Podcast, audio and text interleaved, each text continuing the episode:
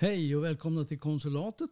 Jag sitter här med Malin Örlund, Jonas Lundström, Hej hej. Hej, och vad heter du då? Bernt Tiberg.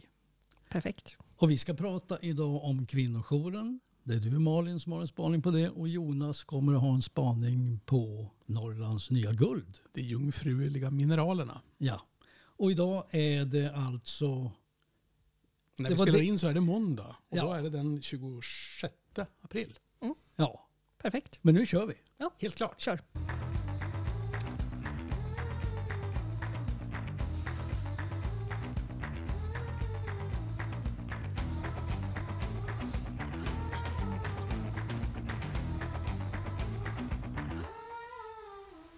Ja, välkomna till konsulatet. Och idag är vi inne på vår tredje sändning och vi ska börja med dig Malin och en spaning. Eller rättare sagt en krönika. Ja, ja, ja, jag vet inte. Vi kan ju koppla det lite grann till, till krönikan som, eh, som jag skrev här på konsulatets hemsida.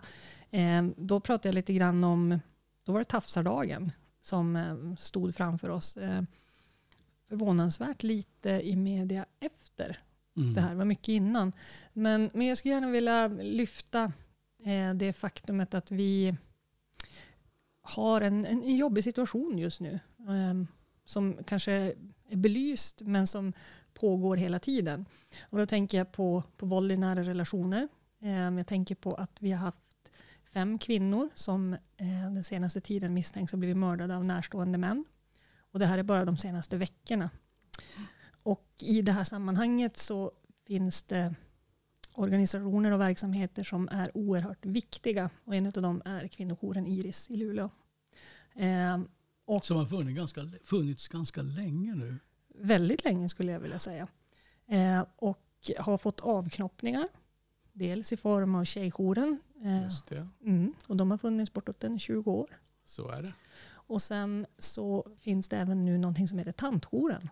Mhm. Minsann. Ja, och det är ett ganska men det är ett, eh, ett bra initiativ skulle jag vilja säga. För att eh, äldre kvinnor glöms ofta bort i det här samtalet. Eh, ofta ganska utsatta.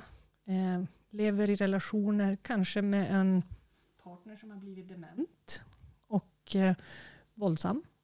Och eh, det är bra att sätta, sätta lite fokus på det här. Eh, det faktumet att vi har de här senaste veckornas händelser gör ju att man blir ja, som kvinna och människa ganska, ganska beklämd. Mm. Eh, och framförallt kanske lite grann hur reagerar män? Mm. Hur reagerar du Jonas? Men jag tror väl någonstans att ofta så när man tittar på våld så försöker man, eller man tittar på våld, men, men när, när man i samhällsdebatten pratar om våld då, då tycks man ofta glömma bort att Eh, när män drabbas av våld så sker det ofta i icke nära relationer. Att man blir, eh, det blir en, en våldsam attack mellan två män som inte känner varandra. Det kan vara efter en, en, ett nattklubbsbesök eller motsvarande. Medan för kvinnors del så är det allt som oftast i de relationer där människorna som ska betyda som mest är de som är förövare. Och man har ju fått rapport, rapporter både från, både från det som är ökningar i, i mäns våld mot kvinnor men också i, i hur barn blir utsatta för våld och för, för eh, eh, väldigt svåra sammanhang. Och att det här blir ju värre när vi nu befinner oss i ett läge där hemmet tar allt större del av tiden. Hur tänker du Bernt? Ja, alltså jag tänker ofta att det här våldet är, är inte bara fysiskt. Vi pratar ju mycket om det fysiska våldet som män utövar. Men det är också psykiskt. Det är materiellt. Det är ekonomiskt. Alltså, eh, de här männen är väldigt farliga och det finns också väldigt mycket myter kring de här männen som begår våld i de här nära relationerna som vi pratar om. Alltså en sån här myt är ju att eh, de här männen har svårt att kontrollera sin aggressivitet. Eh, och det tror jag är helt fel. Jag tror nämligen att det är precis tvärtom. Att de är väldigt bra på att kontrollera sin aggressivitet. Eftersom de är beräknande. De planerar när de ska utöva det här våldet. Och kanske riktar den också? Ja, jag tror ofta, ofta väljer de ju tillfällen när det inte finns vittnen till exempel. Så att eh, samma män tror jag, de har säkert anledning att bli jävligt förbannade på sin chef. Eller på någon kompis ibland. Men de slår aldrig dem. De slår aldrig sin chef. De slår Mm. aldrig en kompis. De slår eh, sina fruar, sina flickvänner. Jag funderar mycket på det här och, och just utifrån hur man ska jobba med att komma till rätta med de här sakerna. Och det känns som att vi måste börja från grunden. Och det, det låter väl kanske lite, lite klyschigt men, men vi måste liksom börja i, i strukturerna någonstans där, där man okår vissa saker, ibland medvetet, ibland omedvetet. Och sen får man ju ofta höra det här när man, när man för den här diskussionen att ja, men, det är ju inte alla män. Nej, eh, kanske det inte är alla män som slår, misshandlar, våldtar. Men jag skulle nog ändå vilja säga att det är ganska få män som tar den publika debatten eller den icke-publika debatten typ i fikarummet. Säger Mm. vet ni vad, det här är inte okej. Den här kalendern kunde vi ha tagit ner 2009. Mm.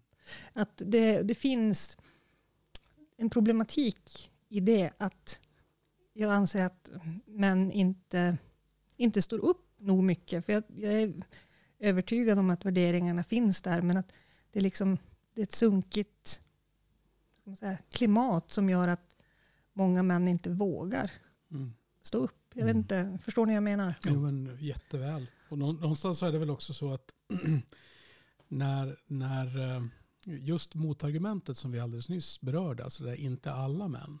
Ja, men det, det blir på något sätt som att den debatten, då, då ska de som är goda män på något sätt slå ifrån sig. Och ja, nej, men alltså det, det här var ju lite obehagligt. Mm. Och jag tror att just när man har ett problem som är systematiskt, då är det ju som extra viktigt att man ska kunna adressera det och att man verkligen ska kunna se vad, vad är det för typ av åtgärder man behöver få till för att det här ska kunna, eh, för att det här ska kunna ta slut. Jo, men å ena sidan så handlar det ju om att samhället måste markera oerhört hårt och tydligt i vilka beteenden som är okej och vilka som inte är det. Eh, det andra handlar ju om att man, man, behöver, man behöver lyfta fram mycket mer av, av de här berättelserna så att de blir synliga för, för fler. För det är klart att eh, om man nu tar det, här resonemanget med, med urtypen, vilka föreställer vi oss är, är eh, skyldiga till den här sortens övergrepp? Ja men det är ju i alla samhällsklasser. Det är inte så att eh, det är bara en viss typ av män som gör det. Det är inte så att man, man skulle kunna läsa av på, på det yttre, att kunna se att det, det här det pågår. Och just som, som Bernt också var inne på, att det är ju inte, det är ju inte, man slår inte sin chef.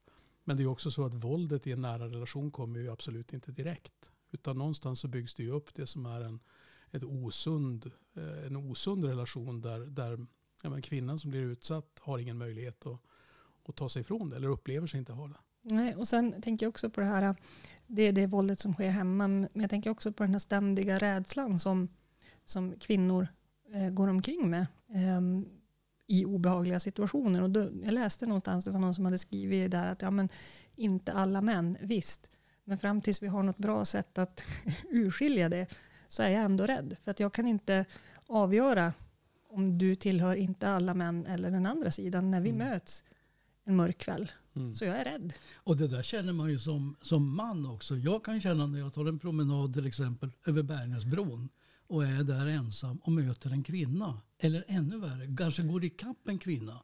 Så känner jag att hon blir rädd. Och det är inte heller kul. Alltså det är också väldigt obehagligt att man som man känner att man är misstänkliggjord. Mm. På grund av att det här klimatet i samhället är som det är. Att vi har inte råd att tro att ja, men, Bernt är nog snäll. Mm. Eh, så det, Nej, När vad, man gör, inte- vad, när gör man man inte då? vet. Vad, vad gör man då? Jo, alltså, jag har ju kommit fram till att det är ingen idé att man ökar takten. Utan tvärtom så slår man av takten och backar så att säga så att hon hinner undan. Men man känner sig ju jävligt skum själv. Man känner sig ju lite grann eh, misstänkliggjord. mm, Och jag vet att jag är misstänkliggjord. Mm. så är det. Och, och det är en det är jobbig, jobbig känsla och jobbigt. Men tror ni inte att man måste börja väldigt tidigt med det här? Alltså redan på förskolan. Alltså, eh, ja, inte förskolan utan vi föräldrar. Som föräldrar har vi ju alla ansvar nummer ett. Att börja liksom uppfostra pojkar mm. till, till ett jämlikt tänkande. Att vi måste börja redan där. Ja, och det, jag har ju en fyraårig pojke som, som går på förskola och man jobbar ju, har ju börjat jobba väldigt mycket de senaste åren med samtycke. Stopp, min kropp. Eh, mm. Det är någonting som, som kommer från barnen. Sen har vi det här med att bara för att min son råkar vara en väldigt kramig kille så, så liksom måste han få ett, ett godkännande att Unni vill ha en kram. Jag kan inte bara gå fram och krama henne för att jag känner för det utan då måste jag kolla så att mottagaren vill ha min mm. kram. Och det är ju liksom, det är ett sätt att börja någonstans ändå att man kollar. Det är så man som förälder också måste, när barnen blir lite större, man måste prata med dem om sådana här saker. Mm. Ja, och ibland eh, så kan man ju tycka att det känns väldigt eh, tidigt att, att prata om det med, med ett barn som är åtta år, mm. som min flicka. Men, men man måste. Mm. Eh, och sen med pojkarna. Ja, och så sen måste man göra någonting nu också. Då tänker jag att det borde vara så att samhället mera konkret kan gå in och, och stödja den sortens ideell verksamhet som som kvinnojouren står för som ett exempel och andra organisationer och, och, som verkligen jobbar här och nu. Ja, och jag tänker på ytterligare en sak som du var inne på tidigare Jonas. Alltså att de här männen som begår våld i nära relationer på det här sättet. Eh, de måste lagföras på ett speciellt sätt. Och jag är ganska krass här. Alltså vi har ju någonting i samhället som heter statsterrorism. Alltså när man begår våld mot samhället och skapar fruktan hos befolkningen eller hos grupper i befolkningen. Och här kan jag tycka att när det gäller de här eh, männen som spöar sina fruar och flickvänner att vi har en slags form av familjeterrorism eller relationsterrorism. Alltså de här människorna, tycker jag, de här männen är ett slags terrorister. Jag tycker de ska lagföras efter det. Mm. Jag tror man ska sätta riktigt, riktigt hårt mot hårt där. Det här ska straffas. Ja. Sen, sen, är det ju lite grann av att äh, när man väl råkar, när, när någon har lagförts, äh, kanske till och med dömts till någon form av frihetsberövande, då ska man ju också ställa sig frågan kring äh, Ska den som har blivit utsatt för allt detta behöva vara rädd när någon kommer ut på gatan mm. igen? Alltså här blir ju olika former av kontaktförbud men framförallt kopplingen att om man bryter mot de kontaktförbuden så bör, bör insatsen kunna komma. Jag tror att det är rätt detta med att det, det är relativt sett lättare att kunna utfärda kontaktförbud än att lagföras på, på det är ju inte en lagföring utan det handlar ju om, om en, en skyddsåtgärd. Mm. Men de som har dömts och är förövare, ja, men det måste finnas ett rimligt sätt för de som blivit utsatta att inte ständigt behöva vara rädd. Men jag tror att om man skulle, om man skulle försöka liksom se det här problemet som till exempel terrorism i någon form så tror jag man får upp det högre på agendan. Alltså jag tror att det blir mera liksom, att det ökar förståelsen i samhället för vilka fruktansvärda hemska brott det här är. För vi mm. måste få slut på det här.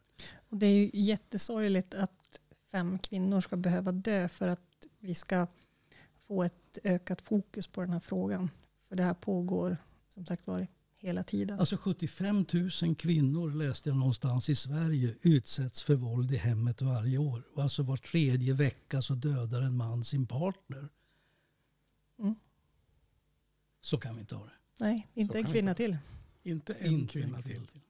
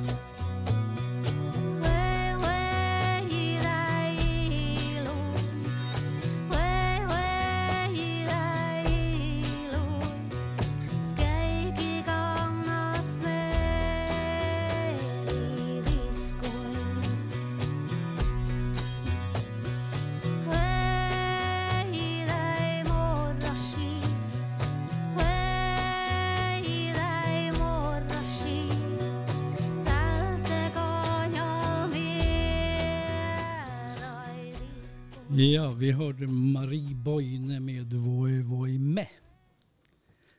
Hörni, ett litet nyhetssvep från norr. Har vi någonting? Ja, vad är det som händer? Det är Malin? sport till exempel. Ja, till exempel så är det sport. Eh, Luleå Hockeys herrar, de har spelat färdigt. Hej då.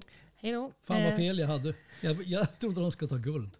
Ja, inte guld kanske, men, men det var lite surt. Det var ju den där um, sjätte matchen hemma där de ledde med 2-0. Mm. Eh, då Joel Lassinantti tyvärr hade migrän. Och de kunde bara ha knutit ihop säcken och gått vidare. Ja, de hade ju åkt ut mot Rögle i alla fall, men fine. Eh, det, slå Skellefteå är ju alltid att slå Skellefteå. Eh, på basketsidan så eh, är det 1-1 på herrarnas eh, kvartsfinaler. BC Luleå och Jämtland. Och damerna i Luleå Basket ska spela sin sjunde, nej, sjunde säger jag, femte, Femte. Och, femte och avgörande SM-final mot Alvik. Har svarat för en heroisk insats och gjort en vändning från att ha legat under med 0-2. Och när är den matchen? Den matchen spelas ju då eh, tisdagen Ja. den 27 Ja, april. var, alltså, när man lyssnar på det här programmet så har det redan hänt. Då kan det redan ha hänt. Då, Och då, går hela Luleå med guldhattar. ja, det är planen. Det är planen. Just det. Och hittills så är ju vår analysförmåga så att vi har klarat av två av tre. Vi felade ju ganska kraftfullt kopplat till, till hockeyn där vi Mm. kanske blev lite... Du hade rätt. Jag kanske hade rätt ja. Mm. Och Ja. när jag har rätt om idrott då vet man att det är fara och färde. Det, kan, det kan ligga något i det faktiskt. ja, men vad har vi mer då Bernt? Ja, vi har ju det här eh, att det blåser upp till bråk i Övertorneå och Yllitornio i Tornedalen. Alltså på finska sidan planerar man att bygga 12 vindkraftverk som är 225 meter höga. Och eh, det är en hel del intressenter, miljövänner, turistföretagare, närboende och andra som är rasande över det här. Resavara vindkraftspark. Är det utsikten de eh, tycker Ja, blir alltså de förstörd? blir ju så himla höga. De här blir ju 225 meter höga. Så står man på Lopjeberget så får man väl titta uppåt en 125 meter i luften. Eh, Men det är väl som alltid med den här frågan att alla gillar väl mer eller mindre vindkraft bara man slipper bo vid de där snurrorna. Mm, jag hop- hoppas att det inte blir något krig så JAS-planen måste flyga kring dem. Nej men precis, och jag, jag är ju själv lite orolig just för den där röda lampan. va, Därför att vi vet ju att, eh, som vi sa också i förra programmet, att eh, självaste tomten bor ju i Lopio egentligen. Men blev kidnappad av våra finska vänner till att bosätta sig i Rovaniemi. Så att när han far tillbaka med renar och annat flygande så är vi rädd för att de klipps ganska hårt av de där propellrarna. Du kan, du kan rent tänka dig att den här vindkraftsparken är en form av liksom ett staket för att vi inte ska få tillbaka tomten till Luleå. Ja, men alltså lite ett, sånt där rörligt, alltså, rörligt mål. Va? Men problemet vi har är ju att det är svårt att kunna få in ett remissvar från tomten till eh, för det, det här måste ju prövas i enlighet med någonting som heter ESPO-konventionen. Att när man gör någonting som påverkar det som är miljö och livsmiljö så då, då behöver man tillfråga i det fall man befinner sig i ett gränsområde. Men vi, vi vet ju också någonstans att eh, i Finland så har man ju sedan länge planerat för att bygga kärnkraft i, i Pyhäjoki och, och det är klart att eh, vindkraft i sammanhanget känns väl eh, kanske Kärnkraftverk är ju aldrig vackert men man är ju rädd för kärnkraft av, av andra skäl än vad man är rädd för vindkraft. Mm. Sant? Ja, hörni, eh, en annan grej är ju det här med smittan covid. Fick veta här nu att eh, i Örnsköldsvik så har man högst smittspridning i hela Europa. Vad säger ni om det? Per 10 000 invånare. Håller inne, Ja. tänker jag. Och sen eh, liksom, man vill ju inte gärna låta som Stefan Löfven varje gång, men håll i, håll ut. Snart kommer det lättnader. Om vi håller avstånd och då ska vi få krama varandra och sådär. Mm. Men, men det är ju, tyvärr är det ju så. Mm. Är, vi, vi måste ju göra det. Och om de som lyssnar nu såg hur vi satt så sitter vi ju väldigt långt ifrån varandra. Mhm. Mm, så är det ju. Det här är coronasäkert och bra. Plus att du faktiskt har fått första vaccinsprutan Bernt. Ja, det har jag fått. Och sen har jag haft covid också. Så jag hoppas att jag är rustad i tänderna. Mm. Mm. Ja, nej, men det, det låter bra. Snart får ju du och jag Jonas kanske gå och ta våra sprutor. Alltså det, det är sällan man har längtat efter att bli stucken i armen men, men nu känns det verkligen som att man verkligen längtar. Ge mig vaccin så snabbt det bara går. Mm. Jag blev ju så upplyft där för, för någon månad sedan när, när eh, den fantastiska PR-geniet och läkaren Anders Nystedt sa att vi hugger folk i armarna så att gardinerna fladdrar. Men det är tillgången på vaccin som avgör. Ja, Han sa, han sa också möter ni en Skelleftebo slänger i diket. Jag är ju rädd att det var det som Luleå gjorde där i den där sista Ah, avgörande det, hockeymatchen. jag Det är väl förstår. Det förklarar en hel del faktiskt. Det förklarar en hel del. Men du, ska vi prata lite grann om eh, veckans krönikor? Eh, Jonas, du ska skriva. Jo, men eh, jag, jag konstaterar någonstans att eh, förutsättningen för det som är vår stora omställning i världen, eh, nu när vi precis har sett att eh, Biden har, har kallat och fått igenom toppmöte med det, det som är världens stora eh, utsläpparnationer med kraven på, på att kraftfullt ställa om samhället i mer klimatvänlig riktning. Då ökar efterfrågan paradoxalt nog på ett antal saker som behöver grävas upp ur marken. Därför att det är klart att ska vi komma till en, en värld där vi mindre och mindre är beroende av saker vi gräver upp för att elda upp. Då kommer vi att behöva gräva upp betydligt flera och eh, kanske lite svårare metaller än vad vi tidigare har behövt göra. Och då är det ju naturligtvis jobbigt, tycker jag, att vi i Sverige som har förutsättningarna med berggrund som, som eh, eh har både det ena och det andra av det som kommer att efterfrågas samtidigt går så kraftfullt åt fel håll när det gäller att eh, inte få fram tillstånd på grund av väntan. Det är ju inte så att, eh, inte så att tillstånden eller att, att processerna blir bättre för att de står stilla. Eh, det fanns ju något ordspråk som sa att den som väntar på något gott väntar aldrig för länge. Men jag skulle vilja säga snarare att den som väntar på något länge får ofta något gammalt. Det är bra. Och det här ska vi prata Ja. lite mer om i den här sändningen. Mm. Eh, Men jag skrev ju också en, en podd, eller en, en krönika, nyhetskrönika. Och grejen är ju att eh, de här nyhetskrönikorna, de kan man läsa på konsulatet.nu.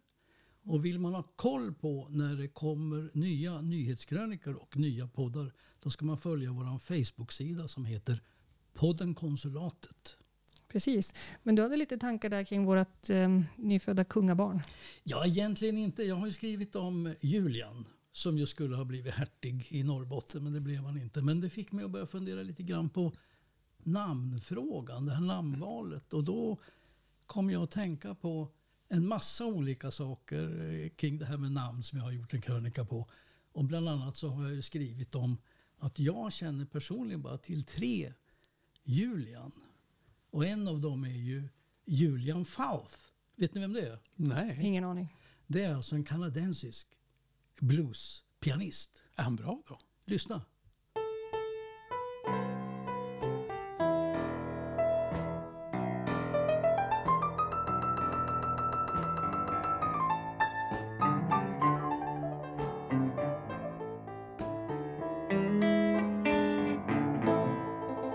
when my mother died. You know my daddy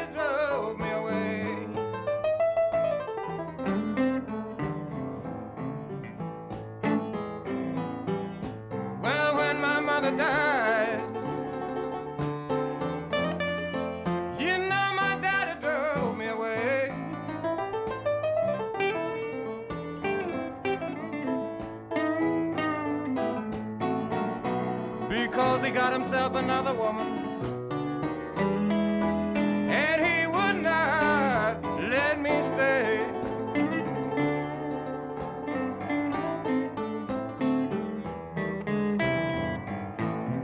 You know, I know my mother loved me.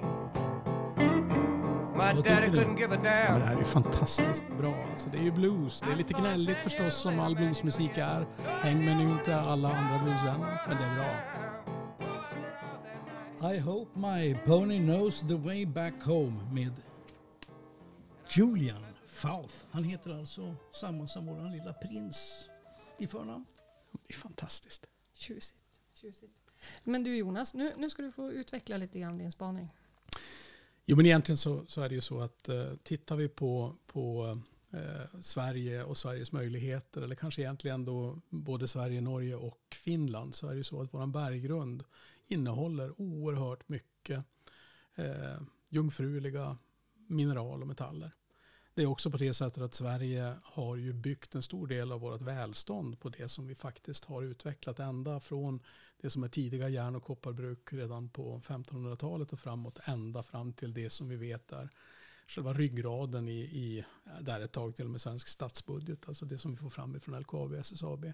Men det är också så att de här tillståndsprocesserna står still. Mm. Det, det är oerhört långa processer och framförallt så är det svårt för företag att kunna ha en, en rimlig uppfattning om när någonting Just ska här, men, avgöras. men varför tar det sån tid? Måste det ta tid? Nej, jag skulle nog vilja mena att det inte skulle behöva ta så lång tid. Det måste ta tid därför att man måste göra bra eh, utredningar, man måste ställa höga miljökrav. Men det finns ganska mycket av det som är onödig väntetid. Det är ju så att hos regeringen som ju är den sista överklagande instansen för det som, det som kallas för bearbetningskoncession, alltså rätten att kunna plocka upp mineral eller metaller från, från marken. Där växer det ju mossa på ärendena. Alltså i Kallak-ärendet är ju en, ett sådant exempel. Laver har man också fått vänta på oerhört mycket. Vad är det som skapar den här beslutsångesten? För här finns ju ett jättedilemma och det är som tre delar tycker jag. Det ena är ju miljönyttan, sen är det samhällsnyttan och sen är det, vad ska man kalla det för, nyttan eller konfliktrisken med olika intressen som till exempel rennäringen. Alltså det är ju som en mix av ganska s- tre mycket svårlösa komponenter. Jag tror att om vi pratar om, om det, nu hörde vi ju Sveriges näringsminister Ibrahim Baylan prata tydligt att förutsättningen för att vi ska klara av det som är klimatomställningen det är faktiskt att eh, Sverige ska kunna bidra med fler jungfruliga metaller och mineral som, som eh, ska komma världen till nytta och det som är klimatet till nytta. Men då är förutsättningen att man skapar lite förenklingsprocesser. Eh, Men, men får jag ställa en fråga? Jungfrueliga metaller. Visst låter För, det vackert? jo, för en som inte har jobbat inom gruvindustrin, vad är det för någonting? Alltså jag, jag har ju märkt en massa politiker som pratar om jungfrueligt i, i det ena och det andra. Men i eh, huvuddelen om vi, om vi pratar om, om eh, Kritiska metaller. Ja, det kan man också prata om kritiska. Men, men, eh, men det är ju så att väldigt mycket av metallerna är återvunna. Det är en oerhört stor både, både business men framförallt miljögärning att se till att vi aldrig någonsin slänger bort det som är värdefulla metaller. Så att när det gäller stål, stål och, och järnprodukter så, så är ju skrot en av de absolut viktigaste eh, komponenterna när man ska göra nytt stål. Men det är ju så att när människor för det första blir fler på jorden och när man dessutom blir eh, lite mindre fattig då tenderar man att vilja flytta till stad istället för att bo på land. Och det är klart att då åtgår inte bara eh, järnmalm utan också rätt mycket koppar för att bygga det som är moderna städer. Det är också så att ska en familj som inte tidigare har, har tvättmaskin ha en tvättmaskin så är det klart att då åtgår en hel del av det som är stål och andra metaller. Så att världen kräver mer av metaller än vad som tidigare har funnits. Och är det så att vi ska elektrifiera så krävs det ännu mycket mer. Jag tänkte säga det för att den här klimatomställningen kräver ju att vi har tillgång och kan försörja oss själva på metaller. EU har ju ett jättebekymmer här om man ser lite utanför Sverige. Alltså det här med att eh, vi, EU importerar idag 62 procent av de här värdefulla metallerna importer- importerar vi från Kina idag. Jag tror det är 60-70 procent i alla fall. Och det här är ju ett dilemma, alltså i de här tiderna när Kina blir en allt större supermakt, militärmakt och så vidare samtidigt som jag tycker vi ser jättemycket tecken på det, att Kina gillar inte vår västerländska demokrati. Och det här gör ju att vi som europeer kommer i ett eh, ganska taskigt läge gentemot Kina. Och det ökar ju kravet på att vi får snabbare sådana här tillståndsprocesser som du pratar om så att vi kan börja bli självförsörjande på vanadin och kobolt och allt vad det heter. Mm. Nej, men det är ju här man också pratar om det som är sällsynta jordartsmetaller. Ja, det är som det vi kanske kommer ihåg ifrån, ifrån periodiska systemet. Och det är ju den sortens metaller som inte efterfrågades tidigare. Man visste inte vad man skulle ha dem till. Men i dagens värld kopplat till både det som är högteknologi och det som är elektrifiering av transportsektor och annat. Så då, då behöver vi eh, metaller vi tidigare inte förstod varför vi skulle behöva dem. Och då sätter ju LKAB också igång med att titta igenom hur ser det ut i deras gråbergsupplag egentligen. Och en stor fundering som vi kan se för framtiden är att se vad är det som döljer sig där? Mm. För där finns ju sådant som man inte bedömde var värdefullt när man ut, utvann det någon gång i tiden. Så att, eh, det finns ju olika sätt att, eh, att eh, bedriva gruvdrift på. Men vi måste ha fler gruvor, antar jag. Det bygger väl på det, allt det här? Ja, Ja. men alltså man kan, ju, man, kan ju, man kan väl säga det på det här sättet att eh, världens efterfrågan av metaller och mineral, den känner ju egentligen ingen geografi. Utan det, det som krävs, det, det, kommer, det kommer marknaden att se till att det finns. Då är det bara frågeställningen vart det kommer att tas upp och av vem. Mm. Och då är det ju allt för lätt, vill jag, vill jag påstå, att titta och tänka så här att ja, men vem vill ha ett, en, en gruva alldeles precis bredvid? Det är ju säkert ingen. Mm. Men då behöver man också tänka tanken att ska vi leva i ett modernt samhälle då måste vi också ställa oss frågan vart vi istället skulle vilja att den gruvan ska vara och vilka miljölagar som gäller där. Mm. Hur många gruvor har vi i Sverige idag? Vet ni det? Oj, vilken... Oj, det är ju hemskt. Det Jag är ju medlem i Svenska bergsmannaföreningen. Nej, men Ja, det är inte jag, så jag, att jag, jag- jag har jag- fuskat, Ja. jag har kollat här. Du har Ja, kollat. Medan vi pratar här så 13, säger jag det. Vi har 12 gruvor i Sverige. Åh, Alla jag metallgruvor. 13. Nio av dem ligger i Norrbotten och Västerbotten. Mm. Tre stycken ligger i södra Sverige. Fyra, fem tar fram järnmalm. Fyra, fem, fem tar fram guld, silver, koppar. Och några plockar upp bly. Mm. Men ingen, ja det är LKAB kanske utvinner ju metaller.